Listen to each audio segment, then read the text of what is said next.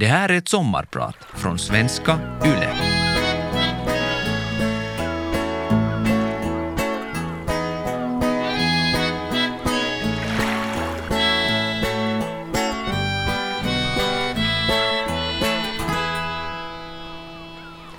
För ungefär ett år sedan satt jag på en strand i Dominikanska republiken i Västindien och såg solen gå ner i havet. Turkost vatten och hängande palmer som bildar silhuetter mot den aprikosfärgade himlen. Det låter lyxigt, men var allt annat. Jag trodde jag hade åkt på äventyr, men istället fick jag knivar i ryggen och återupplevde gamla förträngda trauman. Jag är hungrig och trött. Eller nej, jag är inte ens hungrig längre, för det har gått så länge sedan den senaste måltiden. Jag sitter på huk i regnskogen och skakar. Jag gråter okontrollerat och försöker samtidigt slå bort myggorna från min bara överkropp. Jävla myggor. Jävla tävling. Varför gick jag med i det här? Jag vill ge upp. Jag vill be om ursäkt och ta mitt pick och pack och gå hem. Jag är med i äventyrsprogrammet Selviytyjät, alltså finska Robinson, och har tillsammans med 15 främlingar skeppats till Karibien för att tävla. Jag förväntade mig ett äventyr, men framme i regnskogen märkte jag att spelet är mer psykologiskt än jag tänkt. De första pakterna gjordes redan första dagen, bara några minuter efter att vi delats upp i två stammar och landat på våra respektive öar. Jag var inte långsam jag heller. Redan på den andra skogspromenaden hade jag skaffat min första kumpan och sen flera till. Ett sätt att klara sig genom de sex veckorna var att spela strategiskt. Det räckte inte att vara fysiskt stark eller uthållig. Istället gällde det att skapa pakter och taktikera. Till slut kunde ju bara en vinna. Alla andra skulle i tur och ordning bli utröstade. Det är fascinerande hur personligt spelet kändes. Om en fredagskväll med familjen runt Monopol väcker stora känslor, så tänk dig det gånger tusen. I lägret uppstod småningom gemensamma åsikter om vem som skulle röstas ut i näst. Alla var förstås rädda för att ens eget namn skulle dyka upp, så det var lätt att gå med när någon föreslog en syndabock. Personen som ska röstas ut blir ofta utfryst. Ingen vill samarbeta med en spelare som snart ska ut ur spelet. Det är här som det blir riktigt personligt. Jag upplevde det här från båda hållen. Jag var med och röstade ut andra och jag fick själv uppleva att vara rädd att bli kastad över bord. Dag 11 blev jag utröstad. Jag var ju den perfekta survivorn. En atletisk hippie som älskar att vara utomhus och är snäll mot alla. Jag trodde jag skulle klara mig bra i tävlingen och det gjorde jag ju till sist. Men där i Karibien kom minnena från skoltiden tillbaka.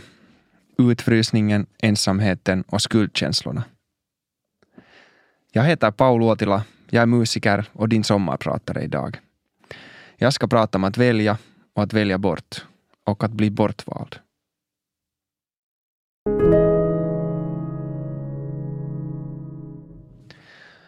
Jag växte upp i Mosabacka i norra Helsingfors i en postkalla kriget-värld mitt i värsta laman i början av 90-talet.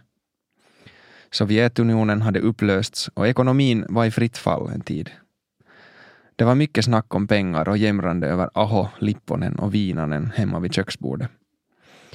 Men när vi kom till slutet av 90-talet ledde vi ett ganska vanligt medelklassliv i förorten.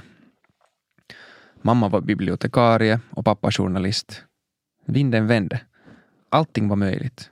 Optimism. Finska rockband erövrade världen. Skidåkarna tog guld efter guld och varannan mobiltelefon i världen var finsk. Jag minns min egna första Nokia som jag fick när jag gick i femman. Den hade ett skyddande mjukt gummihölje så den skulle tåla en ung pojkes vilda fasoner, antar jag. Men en så vild pojke var jag inte egentligen. Jag var väldigt behärskad och brydde mig mycket om vad andra tänkte om mig. Och så tyckte jag att världen var ganska skrämmande. Hur hade mamma och pappa någonsin lyckats skaffa sig jobb? Hur vågar människor uttrycka sina åsikter? Hur skaffar man sig ens en åsikt om saker? Jag anpassade mig mest och helst till omgivningen. Sög åt mig sätt, maner och språk som en svamp. Jag lärde mig att svara på tanternas frågor så att de var nöjda och tyckte om mig. Det är kanske en orsak varför jag har ett gott musikaliskt gehör och är lyhörd för stämningar och nyanser. Och varför tanter brukar tycka om mig. Jag var mammas lilla gris, för hon stannade hemma med mig och min lillebror tills jag var fem och vi började dagis. Hemma talar vi bara svenska. Det är mammas modersmål och pappas svenska är ypperlig trots att han inte har den hemifrån. Därför var min finska ännu begränsad till att svara på pappas släktingtanters frågor. Jag minns hur jag lärde mig nya ungdomliga uttryck när jag lekte i sandlådan på dagisgården. Mina nyfunna dagiskompisar skulle sen till finskspråkig skola, men efter korta protester började jag i svenskspråkig lågstadieskola när jag var sju. Jag trivdes ändå bra i lågstadiet. Enkla läxor, fotboll på skolgården, muntra födelsedagsfester med limo ur färggranna muggar. Ganska bra gemenskap. Mitt förhållande till musiken var ganska okomplicerat. Jag tog pianolektioner, ibland motvilligt. Ibland var det helt kul att gå, ibland fortsatte jag bara för att mamma skulle vara nöjd. Och min första egna CD-skiva var ett album med den Europeiska unionens nationalsånger. Senare inser jag att pappa säkert hade fått den gratis på någon presskonferens. Men jag älskar de olika språken. Jag kan i denna dag fortfarande sjunga Italiens nationalsång utan till, trots att jag inte vet vad orden betyder. Som så många småpojkar älskar jag också geografi. Sångerna och länderna och flaggorna beskrev världen för mig. Jag blev kär i en ritad bild på en flicka i litauisk folkdräkt i en geografibok. Hon påminde mig om en tjej i fjärde klass. Hon hade en glänsande tandställning. Jag ville också ha en tandställning. Det såg fint ut. Men högstadiet blev en pina.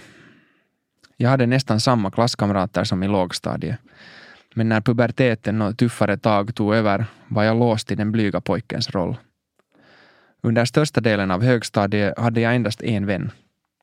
Med honom målade vi miniatyrer, gick på långa promenader och lyssnade på musik.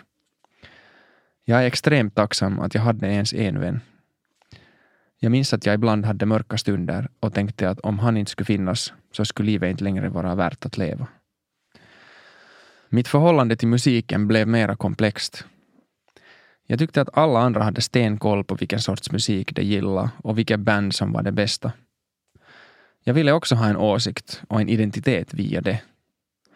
Senare har jag insett att jag egentligen nog hade en koppling till musik, fast den var så att säga fel.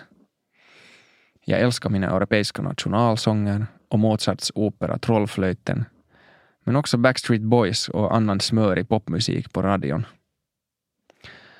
Men det kändes som om det inte räknades. Det var inte OK för en tonårig kille att gilla det. Jag vågade åtminstone inte bära en sån identitet och tack vare det kändes det som att jag inte alls hade någon åsikt om musik. En dag såg jag en reklam med punkrockbandet Offsprings senaste Greatest Hits-album på TV. Jag tyckte inte att det lät helt illa och konstaterade att ingen annan i klassen var ett Offspring-fan. Så jag köpte skivan och började kasta fram namnet om någon frågade vad för band jag lyssnade på. I verkligheten lyssnade jag ju också på Mozart och Britney Spears. Men det kunde ju inte en cool högstadiekille säga. Jag trivdes i min nyfunna, lite tuffare roll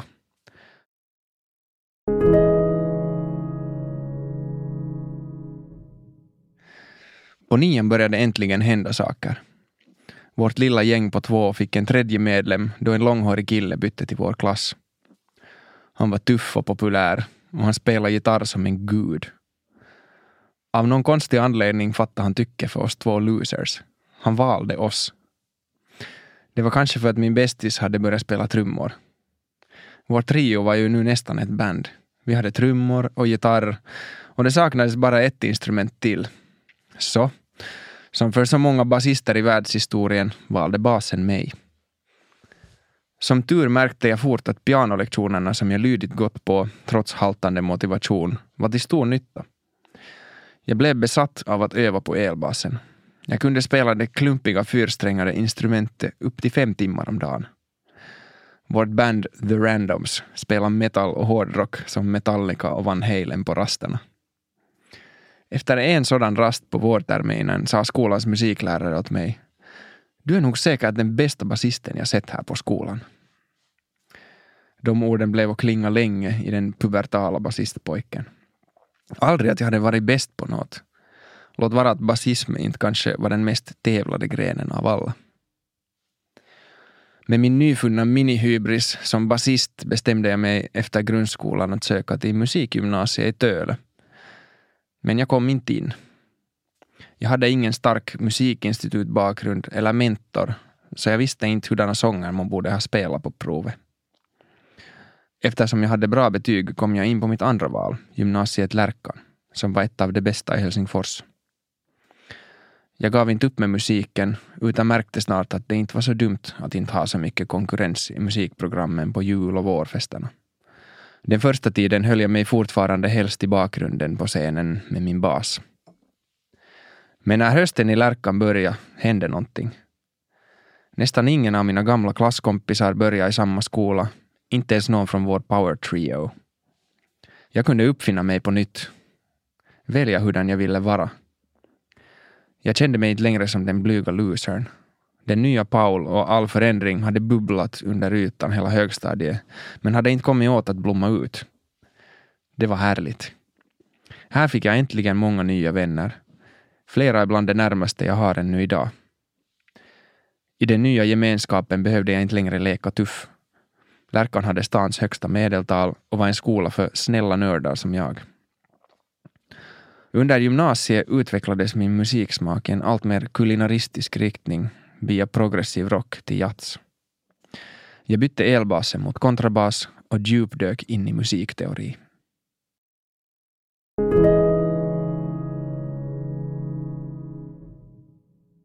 Ja, svarade jag när killarna från Satin Circus ville ha mig med i bandet. Jag hade inte kommit in vid pop och jazzkonservatoriet i Helsingfors som jag ville och var lite ett mellanläge just då. Jag hade hunnit pröva mina vingar som basist i olika bröllopsband och i en ungdomsmusikal. Jag ville egentligen se mig som en seriös jazzkontrabasist. Jag ringde min kompis Krippe som redan var med i bandet och frågade vad han tyckte. Han svarade Nå, inte är det ju lika kiva som jazz, men nog är det helt roligt. Så jag sa ja. Jag har som sagt en tendens att alltid svara ja. Och det har lett mig till intressanta ställen. Jag gillar visst popmusik och catchiga dängor, men var osäker om det och att ha på mig tajta jeans i regnbågens alla färger riktigt var min grej. Redan ett och ett halvt år senare hade vi skrivit på skivkontrakt och var i full fart med att göra klart vår första singel. Bandets sug drog med oss alla och vi blev grymt populära. Mitt självförtroende steg och jag fick uppleva saker som jag bara hade drömt om i mina vildaste rockstjärnedrömmar. Vi filmade vår första Musa-video och stod på stora scener, både hemma och utomlands. Jag hade aldrig skrivit en hel låt innan jag gick med i bandet. De första bidragen jag kom med var en vers här och en del av en refräng där. Nu hade jag också äntligen kommit in på pop och jazzkonservatoriet i Helsingfors med kontrabas som huvudämne. Och trots den entusiastiska jazzmusikern jag var började jag inse att det kanske trots allt inte är så enkelt att skriva en poplåt som tränger in i hjärtat på folket. Och på mig själv. Jag hade ju en hemlig förkärlek för Backstreet Boys och Céline Dion som nu blev utsläppt. Vi hade hård arbetsmoral och våra ambitiösa drömmar tog oss stadigt framåt. Vi gav ut vår första skiva 2014 och den följande år deltog vi i UMK med låten Crossroads. Före Crossroads hade jag för det mesta sjungit stämmor i bandet. Men till UMK blev jag lyft som solist, för första gången. Jag gjorde min sångardebut i live-tv för hundratusentals finländare. Hur i all världen hamnade den blyga, osäkra och konflikträdda pojken här? Min teori är att jag haft en så stark inre drive att skapa och stå på scen att den helt enkelt övervunnit min osäkerhet. Eller så var det tur. Eller sen var det det att jag har valt att säga jo till möjligheter. Satin Circus kom på andra plats i UMK efter Pertti Kurikan nimipäivät. Vi började tappa mode. Vi hade kommit nära stora skivkontrakt i Europa, men otur, inkompetens och kontrakttekniska fel på resan ledde till bakslag. Bandlivet är härligt så länge det finns en gemensam riktning och ångloket tuffar på. Men när motgångarna kommer och motivationen dalar börjar det socialistiska bandloket att hosta. Det är inte riktigt någons grej att svara på mejlen. Ingen brinner för att fixa problemen. Alla flyr ansvaret. Samtidigt som jag börjar få en allt större roll i bandet börjar jag känna att Satin Circus inte riktigt var mitt band längre. Den sista låten vi gjorde, som vi förresten aldrig gav ut, slet jag med alldeles själv. Jag gillar att dra bandet och fixa saker, men det kändes som att jag drog på en kälke som inte riktigt var min. Jag hade förändrats och det kändes lite som då i högstadiet. Att jag måste byta omgivning för att hitta den nya versionen av mig. En version som grott där under, men inte lyckats blomma fram på grund av den gamla dynamiken.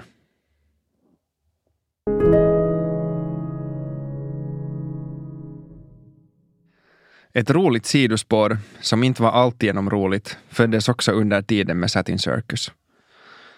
När vi skulle ta våra första promobilder och posera på olika sätt i våra färggranna scenkläder märkte jag att det var lätt att stå framför kameran. Jag skyller på min pappa som hade fotat oss varje dag under hela barndomen. När fotografen sen efter vår photoshoot kontaktade mig och frågade om jag ville ta några bilder för skojs skull mm, sa jag naturligtvis ja. Som jag brukar. Bilderna blev förvånansvärt lyckade. Jag hade en god kompis på konservatoriet som var både modell och musiker och jag ville vara lika cool som han. Jag skickade in mina bilder till Finlands anrikaste modellagentur, samma som han var på. Jag måste ljuga lite för att få in ansökan. Minimilängden för män var 184 centimeter och jag är bara 182,5. Jag blev kallad på intervju. Dörren öppnades av en lång tant. Helt tydligt hade hon varit modell själv. Hon vägde mig med blicken från topp till tå och frågade misstänksamt hur lång jag är. Shit, jag blev ju genast fast. Det mätte mig och sa att ja, du kan knappast göra catwalk-jobb och sånt. Men för några reklamer kan du funka. Så småningom fick jag vara med på en hel del riktigt lyckade kejkor. Men det var alltid en lite tryckande atmosfär. Mycket förväntningar på hur jag skulle se ut och vara och vad jag skulle göra. Vi fick e-mail om hur vi skulle komma ihåg att dricka vatten och blev påminda om att proteindrycker är för idrottare och inte för modeller. En gång innan jag skulle på fotografering frågade min agent om jag hade gått upp i vikt.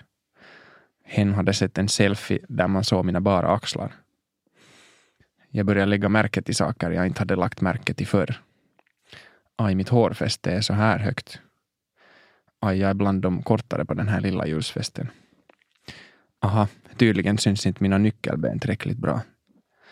Lyckligtvis var jag redan 22 år gammal och kunde filtrera en del. Jag kan bara tänka mig hurdan press de 15-åriga tjejerna som börjar sin karriär har. De har säkert hört mycket värre kommentarer. Det är samma med kvinnliga artister. När jag började skrev kvällstidningarna är detta Finlands stiligaste artist. Men sådana rubriker har ju kvinnor fått genom tiderna och vi försöker undvika sånt nu för tiden. Och det kändes faktiskt mest som att det öppnade upp för långa trådar i kommentarsfältet. De fokuserar mer på skalet än innehållet. Det har säkert drabbat alla kvinnliga artister och politiker och andra i offentligheten mycket mer än mig. Men jag vet inte om min korta modellkarriär gav eller tog mera. Visst fick jag vara med i italienska Vogue och jobba med de flesta stora finska modehusen. Till och med catwalk, fast det lovade att det inte skulle gå. Men lika mycket som det byggde upp någon sorts glamour blev min självkänsla förvrängd av allt jämförande. Dessutom förstärktes känslan av att mansbilden är väldigt begränsad. Manliga modeller ska alltid posera på samma sätt. Handen i fickan, handen inte i fickan. Lite sur min. Kanske ett leende om det var en mysig katalog. Kläderna är svarta, gråa och armégröna. Jag har svårt att tänka mig att någon skulle hata färger bara för att den har en Y-kromosom. Könsrollerna blev extra förstärkta i modebranschen. Tjejerna gick också i murriga färger, men de fick också ha färggranna kläder. Det kändes som om tjejerna hade mer att välja mellan. De fick vara feminina, men de fick också vara maskulina. Männen förväntades vara bara maskulina. Jag tycker att skillnaden i klädsel mellan könen är som samhälle överlag. Jag har alltid känt att det är en väldigt stram roll jag måste passa in i som heterosexuell man. Ingen drar några slutsatser om en kvinna är klädd i kavaj, men om en man går klädd i kjol, ja, det kan många knappt ens tänka sig. Jag gillar att lacka naglarna eller att färga skägget lila. Många gånger i mitt liv har jag fått höra att aj, jag trodde Paul var homosexuell. Han talar på ett sånt sätt. Mm, han är ju så snäll. Eller han klär sig så där. Vad angår min sexuella läggning någon annan? Och vad spelar det för roll? I dagens läge kan jag strunta i vad andra tycker och tror. Men när jag var tonåring och ville bygga upp min identitet och insåg att oj, jag är kanske attraherad av tjejer. Så då vill man ju att den man i smyg är förtjust i ska veta det och kanske överväga en som en potentiell partner. Det skulle ju inte behöva vara så svartvitt, men åtminstone när jag var i tonåren så var det väldigt svartvitt. Homo blev som ett skällsord. Om inte du var homo på riktigt förstås, för då var det ju helt ok. Men någonting mittemellan existerar inte. Jag känner att samhällets roller inte ger mycket utrymme för nyanser. Antingen är du en manlig karlakarl, en äje, eller sen är du bög. Jag tycker vi kunde slopa de strama facken också för männen. Kvinnorna har ju länge visat exempel och försökt bredda bilden av hur man får och kan vara.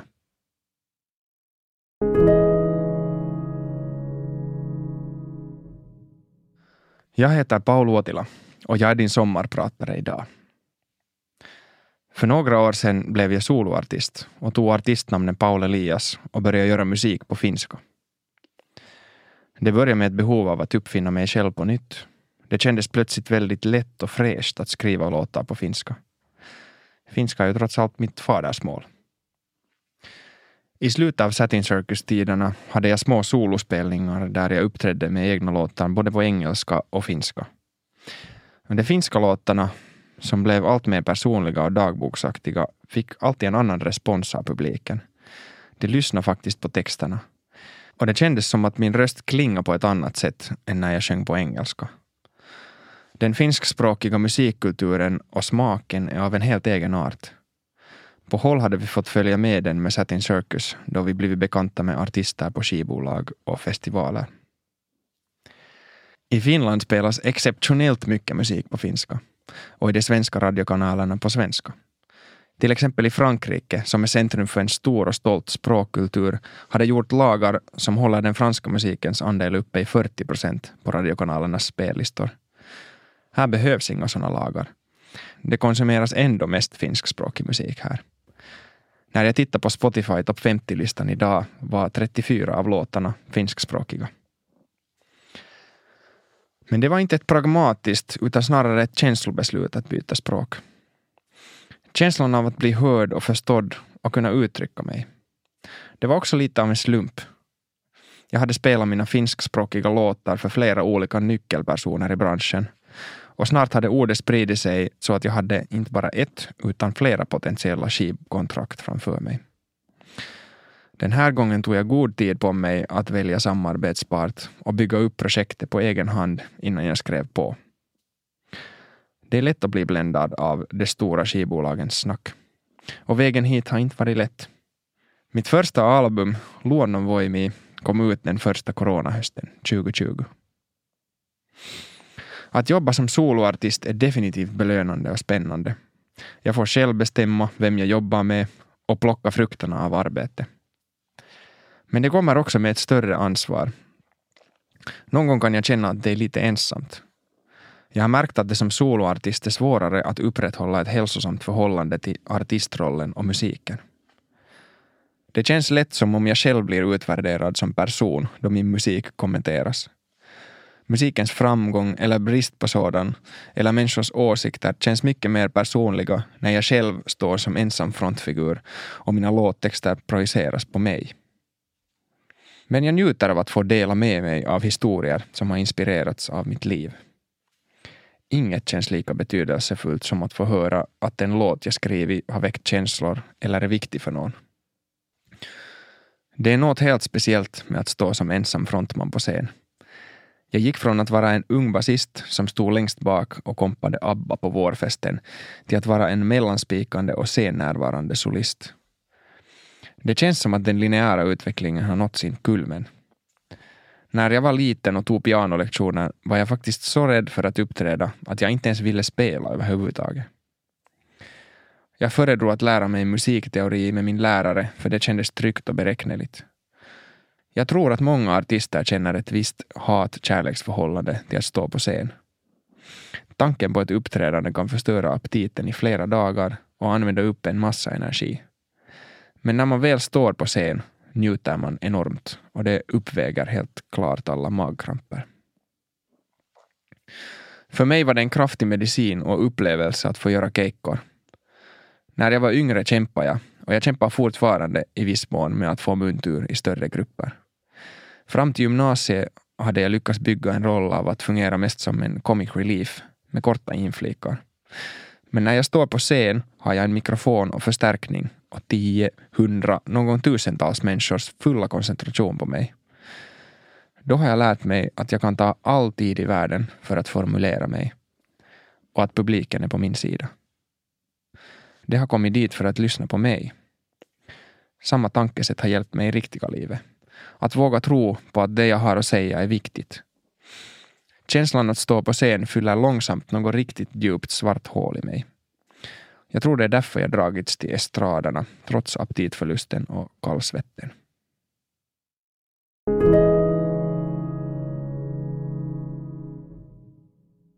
Jag minns att jag blev glad när jag fick frågan om jag ville vara med i Selviytyjät, alltså finska Robinson.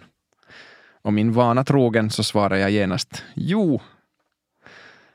Jag hade tittat på den amerikanska versionen Survivor i min ungdom och drömt om att någon gång få delta i programmet. Jag tänkte inte hemskt mycket på hur det skulle se ut för min publicitet, på att det fanns en stor risk för att jag skulle skämma ut mig eller måste spela fult och bli ogillad av publiken. Jag hade inte heller räknat med att bli utfryst. Innan vi åkte till Karibien hade jag tränat hårt för att klara den fysiska biten. Jag sprang en morgonlängd till utomhusgymmet varje dag före morgonmålet för att träna på att anstränga mig utan mat. Jag tittade på tidigare säsonger för att se hurdana tävlingar som kunde dyka upp. Jag var förberedd på allt. Eller ja, på nästan allt. I Karibien blir jag överraskad av hur psykologiskt spelet är. Det räcker inte att vara stark eller uthållig. Vi är ute i skogen, vi äter och sover med varandra, vi kommer varandra nära. Och så ska vi rösta ut varandra. Dag elva blev jag alltså utröstad. Men jag kom tillbaka in i spelet och fick fortsätta. Till min stora lycka räddades jag av en ny egenskap i formatet som gjorde att jag kunde komma tillbaks. Precis när min fackla hade släckts och jag försvann in i kulisserna så fick jag en ny chans. Jag fick kämpa mig igenom nio dagar av utmaningar och isolering på en separat ö för att ta mig tillbaks. Men tillbaks kom jag. Och det var här det verkligen otäcka började. Under veckan jag hade varit borta hade saker hunnit hända. Band hade hunnit knytas och brytas. Varför svika någon ny persons förtroende när du kan svika den du redan svikit en gång? Jag hade den omöjliga uppgiften att ta mig tillbaka i ett spel som var fullt av färdiga pakter och som påminde mig om skoltiden. Eftersom jag hade blivit utröstad den en gång var jag som ett skadeskjutet djur. En lätt måltavla i följande omröstningar. Direkt efter att jag kommit tillbaks försökte majoriteten rösta ut mig. Men jag skyddade mig med ett par slantar jag hade förtjänat. Jag blev överraskad av att en av dem som försökte rösta ut mig var min trofaste kumpan som jag hade gjort en pakt med redan på andra skogspromenaden. Jag tappade den lilla tillit på spelet jag hade kvar. I nästa runda försökte jag istället rösta ut henne.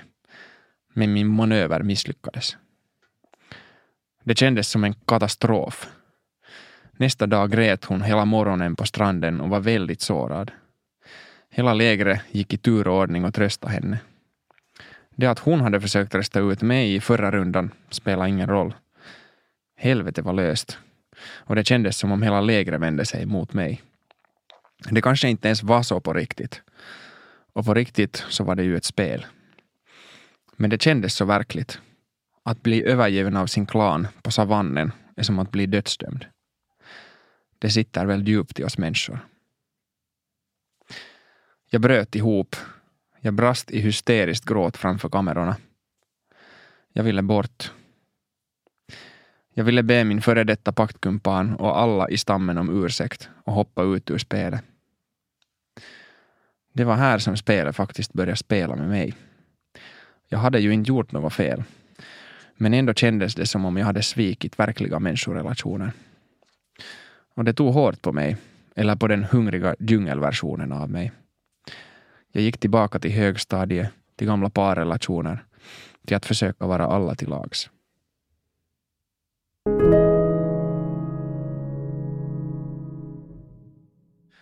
Jag reste mig till slut och gick vidare. Men det var som om någonting hade förändrats. Jag hade tillåtit någonting. Jag skulle inte ha behövt be om ursäkt, ändå gjorde jag det. Jag gjorde mig själv till syndabock för att komma ut ur situationen. Efteråt, flera månader senare, när jag kollade på det färdiga programmet i TV, var det pinsamt att se på. För första gången kunde jag vara som en fluga i taket och märka hur jag agerar i konfliktsituationer. Jag har varit med om någonting liknande när jag gått i terapi. Att se sig själv utifrån. Det gör gott och är förresten något jag kan rekommendera för var och en, vare sig man har större eller mindre bekymmer.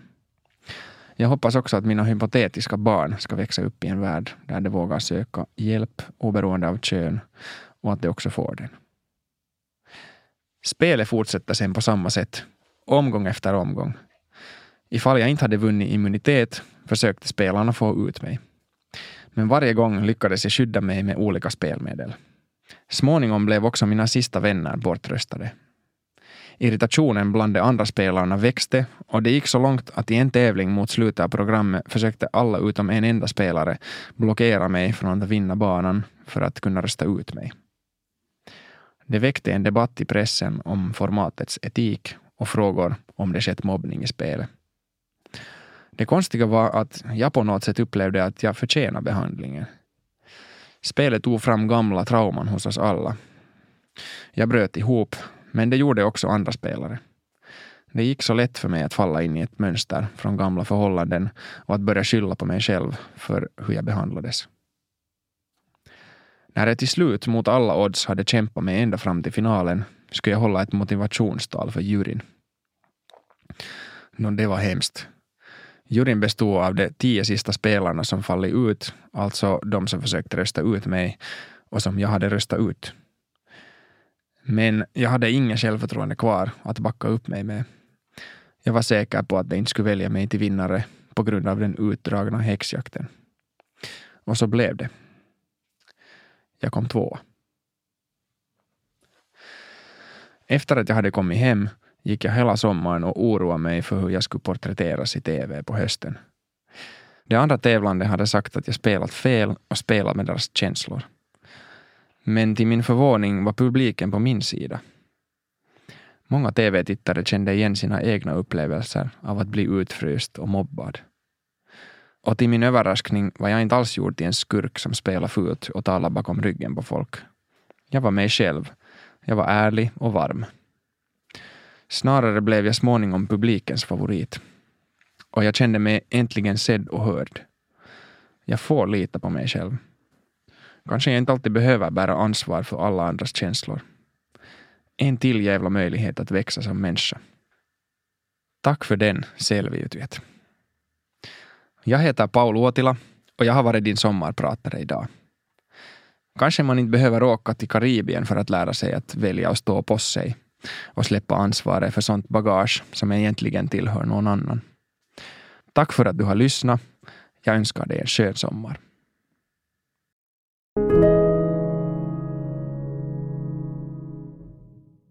Vegas sommarpratare produceras för Svenska Yle av Parad Media.